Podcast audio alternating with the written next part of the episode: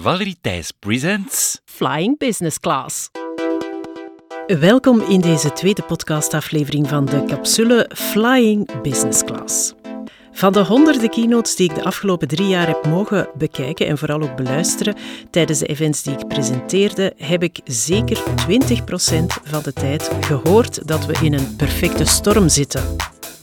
Elke sector zit blijkbaar op dit moment in de perfecte storm. Normaal zou je denken, een storm dat is slecht nieuws en in de meeste gevallen is dat ook zo. Ik herinner me nog heel goed het slechte weer tijdens bepaalde vluchten, veel turbulentie, luchtzakken, af en toe wat gegil van geschrokken passagiers. Piloten weten heel vaak die slechte weersomstandigheden te omzeilen door ofwel hoger te gaan vliegen of een andere vliegroute aan te vragen en te volgen. Maar toch kan een perfecte storm ook in sommige gevallen een positieve uitkomst kennen. Vandaag deel ik heel graag een paar van mijn perfecte stormen en hoe ik daarmee omging in mijn bedrijf en in mijn leven. Ladies and gentlemen, welcome on board. We are currently third in line for takeoff and are expected to be in the air in approximately 7 minutes. Welkom bij Flying Business Class. Ik neem jullie alvast eventjes mee terug in de tijd, naar 1996. Jawel. Ik besloot dat studeren even helemaal niets voor mij was en solliciteerde bij Sabena. Ik had daarvoor eigenlijk het perfecte parcours afgelegd. Humaniora afgemaakt, ehm, mooie vooruitzichten, verder studeren, maar uiteindelijk bleek dat toch niet echt iets voor mij te zijn. Misschien ook omdat ik een heel klein beetje te kort werd gehouden als tiener.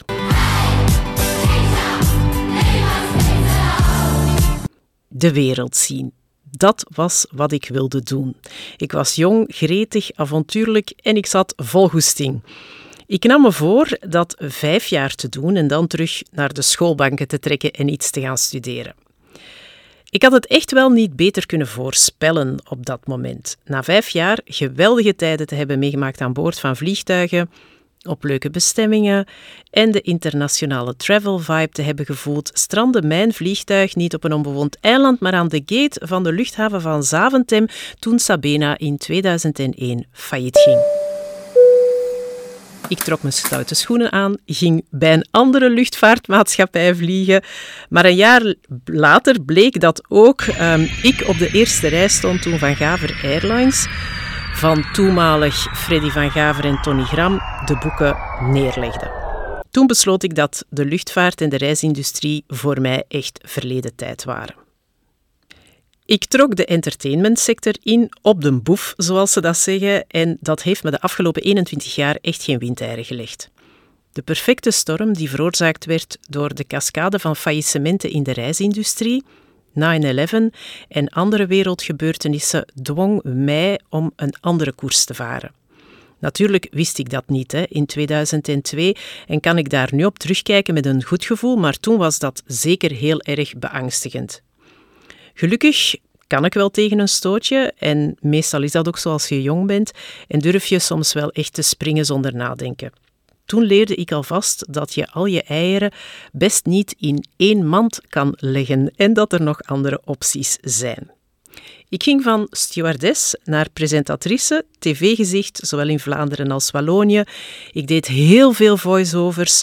Ik werd weervrouw, columniste voor de Gazet van Antwerpen en nog zoveel andere dingen. Een wereld die ik waarschijnlijk niet zo gemakkelijk had aangeboord als die faillissementen van Sabena en van Gaver Airlines mij niet in die richting hadden gedwongen. Ondertussen, een paar jaar later, noteer 2009, ik was mama van één, zwanger van nummer twee en mijn huwelijk van twee jaar strandde voor mijn ogen. Ik stond er plots weer helemaal alleen voor en kon alleen maar roeien met de riemen die ik had. En als alleenstaande mama met een veeleisende job vol onzekerheden en vooral zeer vlottende uren en een hoge vraag naar flexibiliteit, was dat waarschijnlijk een van de meest uitdagende momenten in mijn leven. Want op de boef, dat bleek met twee kinderen niet zo eenvoudig. In die periode hebben mijn ouders echt een reddingsboei uitgegooid en daar kan ik alleen maar heel blij om zijn.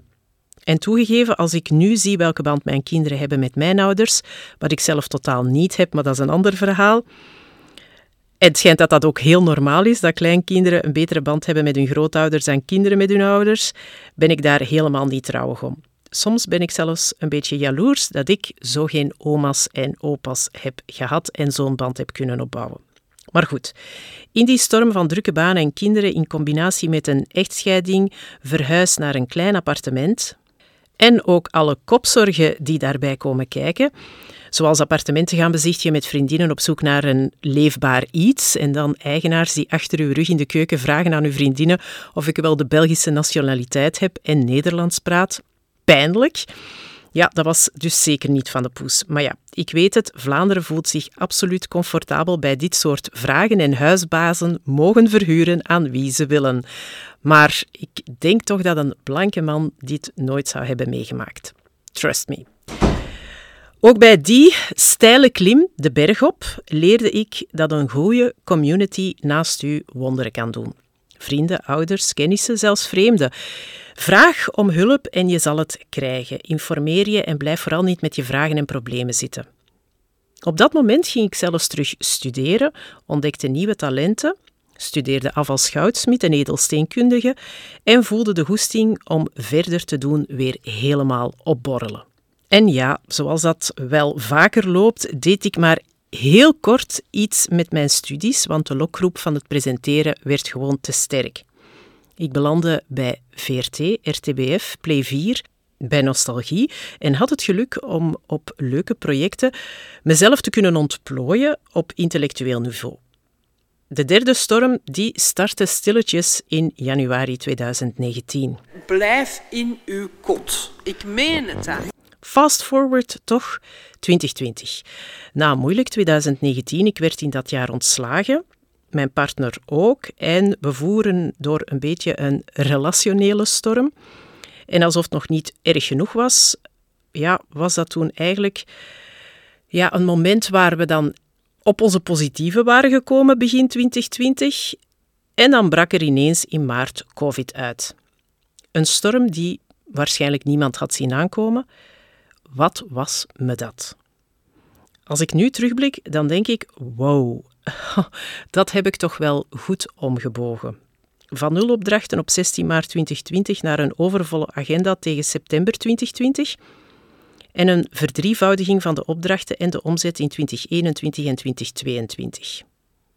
Ik heb het al eens eerder verteld, 560 events op 2,5 jaar tijd, dat is niet niets. En ja, ik weet dat dat voor anderen een uh, echte storm was zonder gelijke, die voor heel wat slecht gezorgd heeft. Maar als ik er nu op terugkijk, is het weer een nieuwe leercurve geweest. Zelfs al steek je al je eieren niet in één mand, hè, lees, ik had verschillende werkgevers, klanten, soorten opdrachten, en toch kon mijn activiteit weer helemaal lamgelegd worden. Dit zorgde voor een volgende transformatie en heruitvinden tijdens de volgende perfecte storm. En als we nu naar economen luisteren, dan spreken die van de huidige perfecte storm, omdat we van wereldcrisis in wereldcrisis stuimelen. Van COVID naar inflatie, de oorlog in Oekraïne, voedings- en energiecrisis, klimaaturgentie en dan nog eens budgetten die erg onder druk staan. Elke ondernemer, elke burger voelt het ook dat er donkere wolken hangen boven onze hoofden. Ook al hebben we hier in België, misschien als kampioen sparen, de brokken nog enigszins wat kunnen beperken. Nu, de laatste storm waar ik heel erg aanwezig in zat, tijdens COVID, heb ik alleen maar kunnen bedwingen omdat ik kon terugvallen op twee oneerlijke voordelen. En eigenlijk zijn het er ook een beetje vier. Mijn talenkennis, mijn ervaring voor de camera en misschien ook een heel klein beetje het feit dat ik een gekleurde vrouw ben. Dit was natuurlijk een topcombinatie om snel te kunnen schakelen in een wereld waar plots iedereen van achter een klein scherm en in studiosettings moest communiceren. En daar heb ik gretig gebruik van gemaakt. Al deed ik dat niet echt bewust, kijk ik daar nu wel op die manier op terug. Maar de vraag was er en ik kon meteen aan de vraag van de markt beantwoorden. En dit had ik echt allemaal niet kunnen dromen toen ik in 2009 in dat appartement stond dat ik wilde huren in Opwijk begot en waar ik beoordeeld en veroordeeld werd voor mijn huidskleur. Maar hey, no hard feelings here. Ik ben opgegroeid in een internationaal milieu. Ik ben niet gevlucht voor een oorlog, ben hier geboren, heb netjes mijn studies van kleuterschool tot universiteit in België afgewerkt, daarna naar het buitenland gegaan. Dus geen triest verhaal van een gebroken kind uit een gebroken milieu enzovoort. En ja, ik besef heel goed hoe geprivilegeerd ik ben, want die verhalen die bestaan ook en die jongeren zijn er ook en die verdienen onze volle aandacht.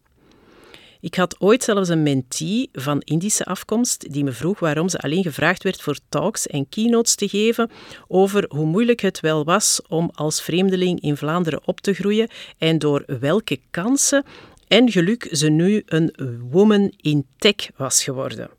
Ze werd niet gevraagd voor haar expertise, maar wel als het ging over diversiteit en inclusie en dat leken de twee enige onderwerpen te zijn waarvoor ze in aanmerking kwam. Nochtans liep ze hier gewoon school in Antwerpen, zelfs in dezelfde school als ik, bij de Dams.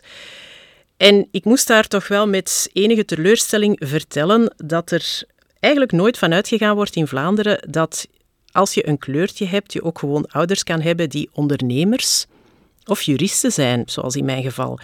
En dat je niet naar hier bent, tussen aanhalingstekens, gekomen, maar wel bent geboren in een normaal middenklasse gezin. Nochtans zijn die verhalen evenveel waard als de rest. Er zijn dus nog altijd vooroordelen en die blijven wel hangen. Ik vertel nog altijd, en ik ben het beu om het te herhalen, maar het is wel zo, aan nieuwe klanten dat ik wel degelijk drietalig ben opgevoed, dat ik heel goed Frans spreek. Het ongeloof is soms nog altijd heel groot. Nu, toch nog even terug naar die perfecte storm. In die periode heb je niet altijd alles zelf in de hand, dat is waar.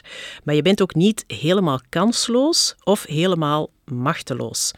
Soms moet je met de golf meegaan, ook al wil dat zeggen dat je eventjes kopje ondergaat. En soms moet je de storm ook gewoon uitzitten. Ik ben altijd proactief geweest en ben dat eigenlijk nog altijd. Ik blijf niet graag bij de pakken zitten, hooguit een uurtje om een potje te huilen en daarna mezelf weer op te rapen en mijn rug te richten en dan weer verder te gaan.